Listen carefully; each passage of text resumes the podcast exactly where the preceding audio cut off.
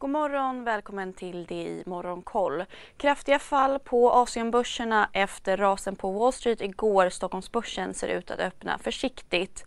Tokyobörsen öppnar igen efter att ha haft helgdagsstängt och stiger 1% Shanghai-börsen och Shenzhen-börsen faller 2,5% Hongkongbörsen faller hela 3,5% tyngt av stora ras i teknikjättar som Tencent och Alibaba. Trots lättnaden efter Feds uttalanden på onsdagen fortsätter marknaden att oroas för skenande inflation och kommande räntehöjningar. I USA stängde börserna kraftigt neråt efter gårdagens lättnadsrally då Fed indikerat att de inte planerar att höja räntan med 75 punkter. S&P 500 föll 3,5 medan Dow Jones och Nasdaqs index såg den största nedgången sedan i november 2020. Dow Jones backade 3 och Nasdaq 5 tyngt av stora ras i teknikjättar. Tesla rasade 8 Amazon 7,5 och Meta 7 den amerikanska tioåringen steg återigen efter att ha fallit tillbaka på räntebeskedet och står nu i drygt 3% Även oljepriset stiger. VTI-oljan handlas för 118 dollar fatet och Brentoljan för 111 dollar. Den europeiska centralbanken ECB ska diskutera en räntehöjning vid nästa junimötet och meddelar att sannolikheten är I de sekunderna när jag är i luften så är det en kamp på liv och död. I Spotlights serie Vinnarskallarna minns stjärnorna själva de dramatiska svenska sportögonblicken. Hör Anja Persson berätta om när hon kraschade i OS-backen men reste sig igen. Jag ville vinna över berget. Vinnarskallarna. Nytt avsnitt varje fredag. Sök efter podden Spotlight.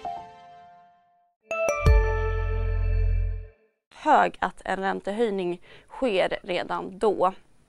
Australiens centralbank RBA menar att det behövs fler räntehöjningar för att dämpa inflationen när landets arbetslöshet spås sjunka till lägsta nivån sedan 1974. Det visar den penningpolitiska rapporten från RBAs senaste möte. Så Sverige där Clas Olssons försäljning ökade mer än väntat med 17% i april. Onlineförsäljningen däremot föll mer än dubbelt så mycket som väntat med närmare 30% Det har även kommit flera rapporter under morgonen. Fastighetsbolaget Stendörren ökade förvaltningsresultatet med nästan 40 procent till 72 miljoner kronor och finansbolaget Catella vände till vinst. Rörelseresultatet landade på 216 miljoner kronor. Medcap som är ett eh, investmentbolag inom läkemedel och medicinteknik ökade resultatet med närmare 40 procent och omsättningen med runt 18 Checkin.com har tecknat avtal med iGamingbolaget Playtech där Checkin.coms mjukvara ska integreras på Playtechs plattform. Och bostadsrättspriserna i Sverige var oförändrade i april jämfört med föregående månad. Villapriserna däremot steg 1% På agendan idag väntas rapporter från fastighetsbolaget Logistea techbolaget Truecaller samt sysselsättningsstatistik från USA. Missa inte heller Börsmorgon klockan 8.45.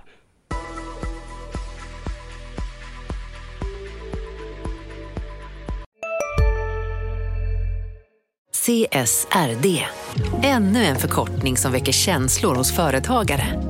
Men lugn, våra rådgivare här på PWC har koll på det som din verksamhet berörs av.